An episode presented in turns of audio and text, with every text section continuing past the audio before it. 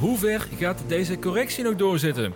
Drie praktische tips die mij helpen om de juiste mindset te houden in deze periode en mijn growth schaduwportfolio. Dit is de Mr. Don podcast.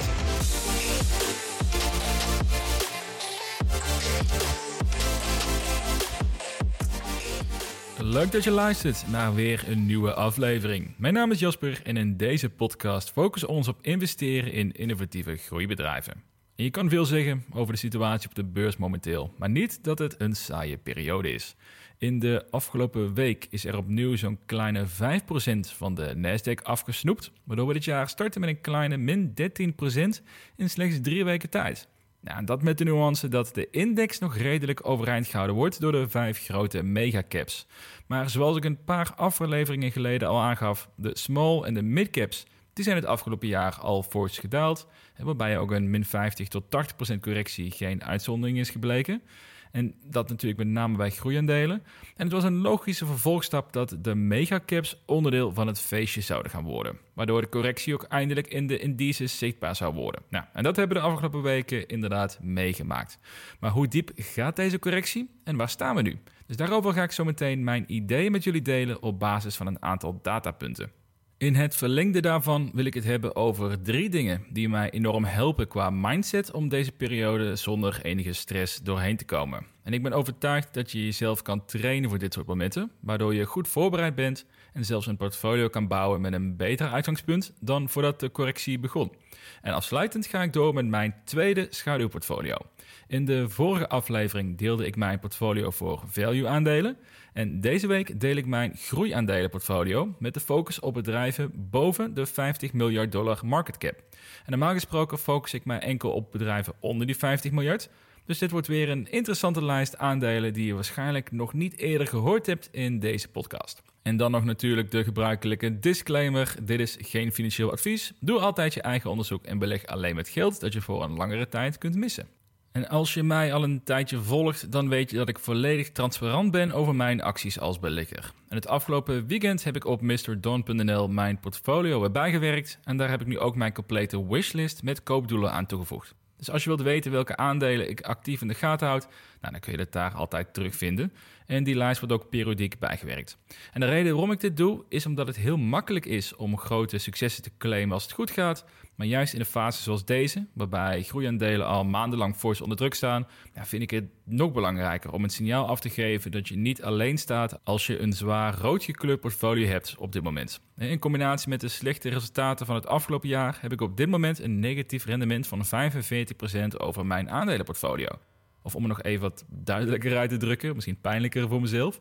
Van iedere euro die ik sinds mijn start als belegger heb geïnvesteerd, daarvan is nog maar 55 cent over. En dat kan best veel schrikken zijn, vooral als je simpelweg te veel geld hebt geïnvesteerd. En omdat we geen idee hebben wanneer deze correctie ten einde komt, nou kan het nog vele malen pijnlijker worden dan de min 45% tot op heden die ik heb gemerkt. Maar hoe staat de beurs er nu eigenlijk voor? Ik wil geen voorspellingen doen of de markt timen, want dat is simpelweg onmogelijk. Maar het is wel interessant om de cijfers te blijven bestuderen, want uiteindelijk is hetgeen wat mensen zeggen niet altijd hetgeen wat mensen doen. Zeker niet in een emotioneel gedreven omgeving zoals de beurs. Dus de afgelopen week heb ik geprobeerd om rationeel te kunnen bepalen van waar staan we nu in deze correctie en welke scenario's zijn het meest aannemelijk voor de komende periode. Ja, en die bevindingen ga ik, uh, ga ik nu met jullie delen. Dus om te starten met mijn voorlopige conclusie. En ik moet toegeven dat ik een andere conclusie had gehoopt, maar het wijst erop dat de correctie nog wel even kan doorzetten. Uit verschillende datapunten blijkt namelijk dat veel beleggers momenteel in een buy-the-dip-modus zitten. Oftewel, het gevoel overheerst dat aandelen nu aantrekkelijk geprijsd zijn en dat beleggers deze kans niet moeten laten liggen. En dat is normaal gesproken niet het signaal dat een bodem in beeld is. Pas op het moment dat je er buikpijn van krijgt om meer geld in je aandelenportfolio te moeten stoppen, ja, dat is een teken dat de bodem dichterbij komt. En dat gebeurt niet zodra beleggers niet kunnen wachten op meer geld in het portfolio te stoppen. Dus laat ik dit onderbouwen met een aantal datapunten. Allereerst kunnen we kijken naar de equity put-to-call ratio. Want bij een call-optie speculeer je op koersstijging en met een put-optie speculeer je op koersdaling.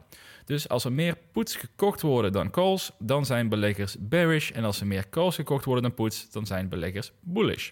En voorlopig is die tweede situatie het geval. De ratio van put-to-call opties is 0,82. Dus dat betekent dat er circa 20% meer call opties uitstaan dan put opties. Dus een teken dat beleggers verwachten dat de markt binnen afzienbare tijd weer gaat stijgen. Bij de vorige twee grote correcties in 2018 en in 2020 was er op het hoogtepunt een ratio van 1,3 in het voordeel van de put-opties. En daar zitten we nu nog ver vandaan. Dus een eerste suggestie is dit dat de bodem nog niet in zicht is. En ik vind het belangrijk om naar dit soort cijfers te kijken in plaats van enkel artikelen te lezen. Onlangs deelde ik op Twitter een artikel van MarketWatch, waarbij werd gesteld dat beleggers in de Nasdaq nu het meest angstig zijn sinds de coronacrash van maart 2020. En dat werd in het artikel ook aangegeven als een sterk bullish signaal. Maar als je kijkt naar bijvoorbeeld de Fear and Greed Index van CNN, die het sentiment meet op basis van zeven verschillende indicatoren, blijkt het eigenlijk wel reuze mee te vallen met die angst. Op dit moment geeft de index aan dat er een lichte angst in de markt zit, een score van 43 op de 100. Nou, dat is absoluut niet het signaal van een stevige paniek. En als je de zeven losse indicatoren bekijkt, blijkt onder meer dat er een enorme angst is rondom de volatiliteit van de markt, het momentum van de koersen en dat veel aandelen nu rond hun laagste punt staan van de afgelopen 52 weken. Maar dat zijn allemaal korte termijn indicatoren op basis van de huidige koers en de afgelopen periode. Maar de indicatoren die vooruitkijken, ja, daarin zijn we juist extreem optimistisch. De put-to-call ratio hebben we zojuist al besproken, die is duidelijk bullish. Maar ook blijkt dat beleggers nog steeds weinig interesse hebben in de meer veiligere assets zoals obligaties. Er wordt steeds met veel risico geïnvesteerd. En dit wijst erop dat beleggers verwachten dat de beurs binnen korte tijd weer gaat stijgen. Dus zeker geen signaal dat de bodem in zicht is. Dus dan kom ik graag terug bij wat ik aan het begin van dit segment zei. Namelijk dat je moet kijken naar wat mensen doen en niet wat ze zeggen. Maar als je kijkt naar de acties, ja, dan zie je overwegend signalen dat er een buy the dip houding is en dat alles behalve de extreme angst is die je ziet bij de bodem van een correctie. Tegelijkertijd mag je ook afvragen van ja, wat zou nou een aanleiding kunnen zijn voor een fors diepere correctie? Want de economie in de westerse landen is prima, uitgezonderd de supply chain problemen waar we al twee jaar mee te dealen hebben. En een recessie op basis van de huidige omstandigheden lijkt mij onwaarschijnlijk. Daarbij is het niet meer dan logisch dat de beurs gas terugneemt na de bizarre bullrun van de afgelopen 12 jaar. Gevoed door het vele geld die in de economie zit en daarmee de markten ook opgepompt zijn geworden en wat inmiddels wordt afgebouwd, ja, is het niet vreemd dat aandelen iets moeten afkoelen. En dat is ook weer een goed teken, want het zorgt ervoor dat de aandelen die overgewaardeerd waren terug kunnen keren naar meer een redelijke waardering, of zelfs sterk ondergewaardeerd kunnen worden. En dat zijn voor de lange termijn beleggers natuurlijk ontwikkelingen waar je stiekem heel erg blij mee moet zijn. Vandaar dat ik zelf ook met veel plezier eigenlijk door deze periode heen ga, omdat er nog veel aandelen zijn waarin ik graag zou willen investeren of een grotere positie zou willen openen. En hoe lager de waardering, des te hoger wordt mijn toekomstig rendement. En zoals je kunt merken, zit ik zelf ook op het moment in de buy the dip mindset. Dus natuurlijk kunnen aandelen nog steeds fors verder dalen. Maar daarover ga ik je zo meteen meer vertellen over mijn drie tips waarmee je leert om rationeel te beleggen, zonder dat je vanwege angst de verkeerde beslissingen maakt. Maar even afsluitend voor dit onderdeel, wat betekent dit nou namelijk voor de beurs in de aankomende periode? Want ondanks dat ik constateer dat we hoogstwaarschijnlijk niet op de bodem zitten, wil ik namelijk hiermee niet de indruk wekken dat we gegarandeerd een diepere correctie krijgen. Sowieso is niets gegarandeerd en het is veel productiever om te denken in scenario's dan in absolute. En ik acht het scenario dat de indices nog zeker 15% kunnen dalen kansrijker dan het scenario dat we de bodem al hebben bereikt. Want daarmee zou namelijk de Nasdaq rond de 150 punten komen, vergelijkbaar met april vorig jaar. Tot op heden blijkt dat groeiaandelen extra hard meegaan in deze daling. Dus het zou mij niet verbazen als individuele aandelen in dat geval ja, ook nog eens 30% vanaf het huidige punt zouden kunnen gaan zakken, ongeacht hoe sterk ze al zijn afgestraft in de afgelopen maanden. En dat zou ervoor kunnen zorgen dat bepaalde aandelen echt extreem interessant gewaardeerd worden, eigenlijk tot aan het irrationele aan toe. Maar goed, dat is wat er gebeurt in de markt waarbij sentiment echt zwaar negatief is. Maar dat is wel iets wat nog zou moeten gaan gebeuren, in mijn beleving dan. Tegelijkertijd acht ik het niet heel erg kansrijk dat we een correctie van bijvoorbeeld 15% van de indices krijgen. Omdat de economische cijfers en ook de macro-omgeving niet per se een aanleiding geeft om in een recessie terecht te komen. Daarvoor zou er echt een soort perfect storm moeten plaatsvinden. Bijvoorbeeld met een inval van Rusland in Oekraïne en tegelijkertijd China in Taiwan, waardoor er nog meer onzekerheid en er nog grotere supply chain problemen ontstaan wereldwijd.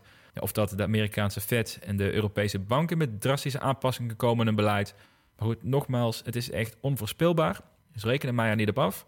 Maar dit zijn voor mij persoonlijk de scenario's waar ik voor de komende maanden rekening mee houd en dus ook mijn strategie op baseer.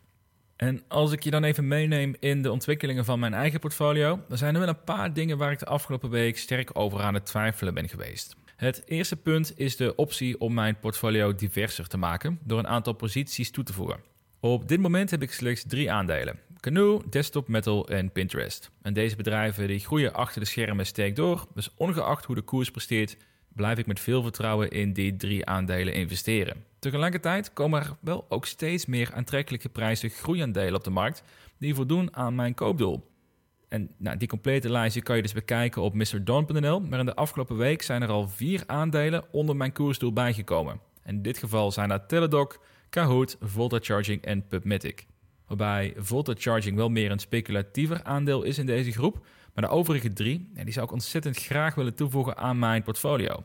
En het zou mij niet verbazen als de komende weken nog meer aandelen onder mijn koersdoel gaan komen. Maar de uitdaging is dat ik geen cashpositie meer heb. Ik ben 100% geïnvesteerd, dus dat betekent dat ik mijn huidige posities moet verlagen om geld vrij te maken. En daar zijn voor's en tegens voor. Het voordeel om wel een breder portfolio aan te houden, in mijn geval zou dat in het uiterlijkste geval denk ik maximaal 10 posities zijn, is simpelweg risicospreiding en de kans dat je portfolio eerder gaat herstellen. Het nadeel is dat ik de meeste potentiële upside zie bij mijn huidige drie posities, waardoor het gek zou zijn om nu, bij deze prijzen, die posities te gaan verlagen. En er valt denk ik voor beide wel iets te zeggen. Maar dat is wel een vraag voor mezelf waar ik nog niet helemaal over uit ben. Wil ik nou een diverse portfolio of wil ik juist mijn focus houden op mijn drie belangrijkste aandelen? En ik neig heel erg om geconcentreerd te blijven. En tot dusver heb ik de laatste weken ook geen nieuwe posities meer geopend.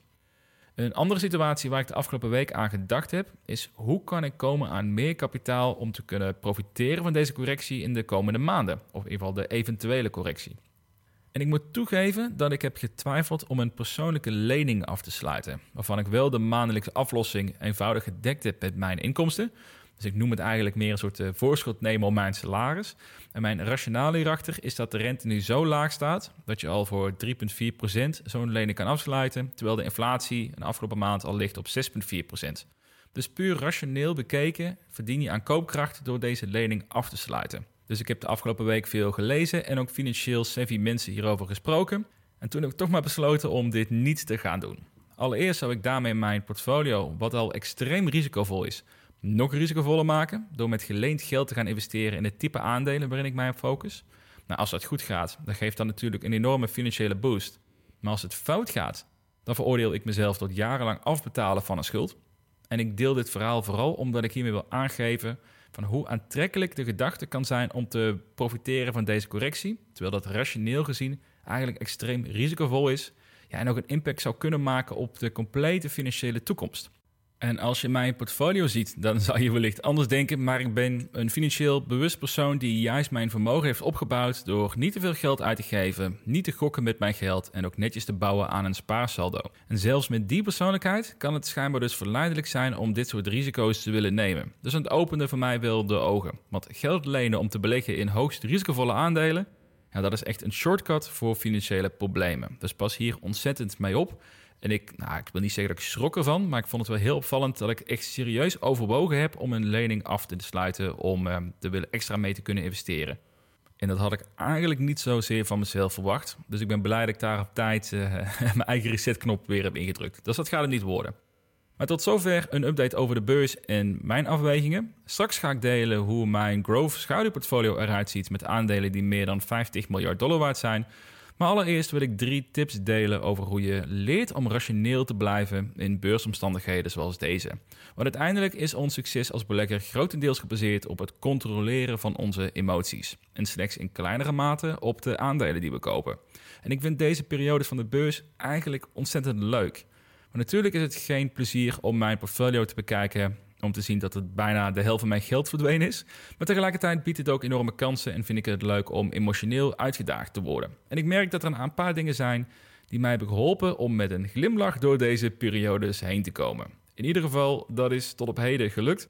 Maar misschien dat mijn glimlach is verdwenen als we echt nogmaals 50% zouden gaan zakken. Maar goed, daar uh, gaan we in dit geval niet van uit. Wat zijn dan die drie dingen? Allereerst, en dit is een simpele, maar wel uiterst effectief, is jezelf verplichten om niet te kijken naar de koers, maar naar de relatieve waarderingen. In de vorige aflevering heb ik hierover gesproken hoe je bijvoorbeeld via de site macrotrends.net eenvoudig kan uitzoeken hoe relatief gewaardeerd aandelen zijn op basis van hun recente prestaties. Het voordeel was Square, of nu Block geheten, die qua koers nog twee keer zo hoog is als de maart 2020 correctie. Maar de koers ten opzichte van de omzet is nu vele malen aantrekkelijker dan toen. En deze mindset is vooral nu heel belangrijk, omdat je inmiddels echt een wishlist wil hebben aan aandelen die je graag wilt kopen bij een bepaald koersdoel. Nou, en daarvoor helpt deze mindset ontzettend. En de vorige aflevering heb ik je ook verteld hoe je dan zo'n koersdoel kan bepalen. Maar dit helpt dus ook bij je huidige portfolio. Als ik bijvoorbeeld kijk naar mijn posities, nou laten we weer even Pinterest aanhouden. En als ik zie hoe sterk de resultaten zijn gestegen in het afgelopen jaar, dan verdwijnen al mijn twijfels om het aandeel te verkopen omdat de koers daalt. En dat is al vaker gezegd, maar de koers is niet altijd een juiste reflectie van wat er gebeurt bij het bedrijf zelf. Terwijl het wel vaak zo wordt ervaren door beleggers. En dat kan een flinke zwakke plek zijn in je mindset, waardoor je interessante en ondergewaardeerde bedrijven gaat verkopen, omdat je vermoedt door de koers dat het bedrijf minder sterk staat dan voorheen. Dus altijd kijken naar relatieve waarderingen en ontwikkelingen van het bedrijf in plaats van puur naar de koers. En dat geeft mij in ieder geval ontzettend veel rust. En mijn tweede punt, of tweede tip, die haakt daar enigszins op in. Dat gaat namelijk over het vaak benoemde buy and hold mentaliteit. Dus kopen en nog meer kopen, niet meer naar kijken en over vijf jaar ben je schat hemeltje rijk. Nou, dat is een mindset die daarbij wordt aangehouden als een soort gouden regel die voor iedereen moet gelden. En in toenemende mate neem ik eigenlijk steeds meer afstand van buy and hold. Het is heel logisch voor de passieve belegger die enkel investeert in een index. Ja, omdat één slecht bedrijf in de hele index, dat wordt eenvoudig gecompenseerd door de goede resultaten van de andere bedrijven die erin zitten. En er is ook weinig aanleiding om een index te analyseren om op basis daarvan te besluiten of je nu wilt bijkopen of dat je nog een maandje wacht. Dus ben je een passieve belegger, buy and hold, helemaal prima. Maar als je een portfolio hebt met individuele aandelen, dan is buy and hold eigenlijk heel onlogisch. Een van de voornaamste redenen om te investeren in individuele aandelen is omdat jij verwacht dat je bovengemiddelde aandelen kan vinden, waarmee je een bovengemiddeld resultaat haalt ten opzichte van investeren in een index, zoals bijvoorbeeld een, eh, een, de, de ETF voor Nasdaq. En dat brengt een extra uitdaging met zich mee. Maar dat kan ook een hoger rendement opleveren met je de juiste keuzes maakt. En om die juiste keuzes te kunnen maken, moet je dus heel goed weten in wat voor bedrijven je investeert, hoe hun toekomst eruit ziet en wat er voor nodig is om een succesvolle investering te worden. En doordat bedrijven en markten dynamisch zijn, kan dat iedere maand weer veranderen. Vandaar dat ik buy and hold zou willen inruilen voor buy and verify. En dat houdt in dat je eigenlijk continu op de hoogte blijft van de ontwikkelingen bij het bedrijf en ook bereid bent om je positie daarop aan te passen. Want als de situatie verslechtert, bijvoorbeeld een belangrijke productlancering wordt uitgesteld, of de CEO waar jij veel vertrouwen in hebt, die vertrekt opeens, zul je echt opnieuw moeten verifiëren of die investering nog net zo goed is als op het moment dat je die aandelen kocht. Een voorbeeld hiervan heb ik gehad met Desktop Metal. Toen in december in een earnings call werd aangegeven dat een belangrijke product launch opnieuw was uitgesteld, en dat was niet de eerste keer, heb ik besloten om mijn positie te verkleinen. Pas op het moment toen ik het vertrouwen weer terugkrijg en door management werd uitgelegd waarom het product is uitgesteld en wat de nieuwe roadmap is, heb ik besloten om mijn positie weer te vergroten. Het grootste voordeel qua mindset is dat je eigenlijk continu uitstekend op de hoogte bent van je investeringen. En hierdoor is de koers minder van belang, want je hebt andere redenen waarop je je vertrouwen baseert. Waarschijnlijk de meeste vragen voor betreft een aandeel die je krijgt op social media, die gaan over Pinterest. Of dat nog een aandeel is waar men wel vertrouwen in moet houden. En dat bedrijf dat presteert eigenlijk uitstekend in het afgelopen jaar. En de richting die zij opgaan biedt veel potentie, dus ik heb er alle vertrouwen in. En dat de koers blijft dalen is dan enkel een reden om bij te kopen en geen reden om te gaan twijfelen aan de toekomst van het bedrijf. Dus buy and verify, super belangrijk en echt een goede tip in periodes, vooral waarbij de koers onder de druk staat. En mijn derde punt, dat is iets wat nou, eigenlijk meer los staat van aandelen, of in ieder geval aandelen op de beurs. Maar indirect draagt het wel enorm bij aan een goede mindset. En dat is namelijk om te investeren in een paar startups via crowd equity platforms. Je kan voor een minimaal bedrag, nou bijvoorbeeld 100 eh, dollar of 100 euro, kan je al aandelen kopen in echt startups via platforms zoals een Seeders.com, een Republic.co of een Leadfunder.com. En het grote voordeel hiervan is dat je leert om te focussen op het bedrijf en niet op de korte termijn waarderingen. Want bij investeren in startups is er namelijk geen koers die dagelijks verandert. En ook heb je niet de mogelijkheid om je positie op ieder moment te kunnen verkopen. Want dat kan namelijk pas bij misschien een nieuwe financieringsronde of als het bedrijf wordt overgenomen of in het ultieme geval als het bedrijf een beursgang maakt. En tussendoor word je eigenlijk iedere maand of kwartaal je geüpdate door de CEO of een, een afgevaardigde die de investor relations voor zijn rekening neemt over de ontwikkelingen die het bedrijf meemaakt. En waarschijnlijk ga je pas over vele jaren merken wat het echt heeft opgeleverd. En wat ik zelf heb gemerkt is dat de mindset van investeren in startups, dat ik dat heb meegenomen naar de beurs. Want in afgelopen december kreeg namelijk een van mijn startups, waarin ik investeer via zo'n platform, deelde ze de aankondiging dat ze backing krijgen voor 50 miljoen euro om binnen drie jaar een beursgang te maken. En in dat bedrijf heb ik kunnen investeren bij een waardering van 10 miljoen euro. Dus het zou prima mogelijk zijn dat dat bedrijf over drie jaar bij de beursgang minimaal het tienvoudige waarde is. En dat is een behoorlijk rendement in een paar jaar tijd. De nuance echter is dat als ik de mogelijkheid had gehad om tussentijds deze investering ongedaan te maken of te verkopen, dat ik het waarschijnlijk wel al had gedaan omdat ik meer geld wil investeren op de beurs. Maar doordat die optie er niet was, ben ik haast gedwongen om dan maar te gaan focussen op het bedrijf zelf. Ja, en nu komen ze door met dit toffe vooruitzicht van een beursgang. En dat besef, dat het om veel meer gaat dan zeg maar, de huidige waardering van het bedrijf, dat heb ik nu ook meegenomen dus naar hoe ik kijk naar mijn aandelenportfolio. Focus op de bedrijven en niet op de koers. En dankzij deze drie tips merk ik zelf dat ik eigenlijk heel rustig en ontspannen blijf in deze periode en krijg ook het vertrouwen dat ik op de juiste weg ben. Ongeacht de resultaten die misschien nu niet helemaal super zijn in de afgelopen maanden. Dus als jij merkt dat je in deze periode mentaal lastig vindt om overtuigd te blijven van jouw investeringen, of misschien zit je wel op het puntje van je stoel om je hele portfolio te verkopen, nou, dan kan ik je deze drie tips zeker aanbevelen. Dus dan hebben we het gehad over het beurssentiment en de scenario's die erbij uh, mogelijk in het spel komen. heb ik, net heb ik je mijn drie tips gegeven om mentaal sterk te zijn in deze periode. Nou, dan wil ik nu mijn aflevering gaan afsluiten met mijn tweede schaduwportfolio. De vorige week heb ik mijn value portfolio gedeeld. Met aandelen die ik sterk ondergewaardeerd vind, waarvan de meeste ook een prettige dividenduitkering bieden. En dat was een portfolio voor diegenen die nou, misschien met iets minder risico willen investeren, maar wel in individuele aandelen zonder direct over te stappen naar een ETF of te investeren in een index. En een van de keuzes van vorige week, dat was Activision Blizzard. En als je door mijn podcast overtuigd was geraakt om op maandag een positie te openen in dat bedrijf, en dan hoop ik dat je in ieder geval zelf onderzoek gedaan hebt, dan uh, heb je stiekem heel veel geluk gehad. Want op dinsdag werd aangekondigd dat Microsoft een akkoord heeft om Activision Blizzard over te nemen, waardoor de koers met 27% is gestegen in de afgelopen week. Dus ik moet toegeven dat ik de druk voel voor mijn schouderportfolio van deze week. Want zo'n lucky is, dat, uh, dat wil ik natuurlijk weer even naren. En dat gaat natuurlijk niet gebeuren, maar we gaan een poging wagen. Want deze week deel ik mijn schaduwportfolio voor groeiaandelen die boven de 50 miljard zijn gewaardeerd. Want zoals bekend focus ik mij op aandelen onder die 50 miljard waardering. Ik vind het leuk om te zien hoe groot zij kunnen worden in de komende nou, 5 à 10 jaar. Dus ik heb mogen kijken nu naar bedrijven die normaal gesproken niet op mijn wishlist terecht zouden komen. Leuk om hiermee bezig te zijn en ik heb PS6 aandelen gevonden die ik wel zou zien zitten. En eind jaar gaan we bekijken welke schaduwportfolio het beste heeft gepresteerd. Laten we starten met het eerste aandeel op deze lijst. We starten met een van de best presterende aandelen op de beurs van de afgelopen jaren, namelijk Nvidia.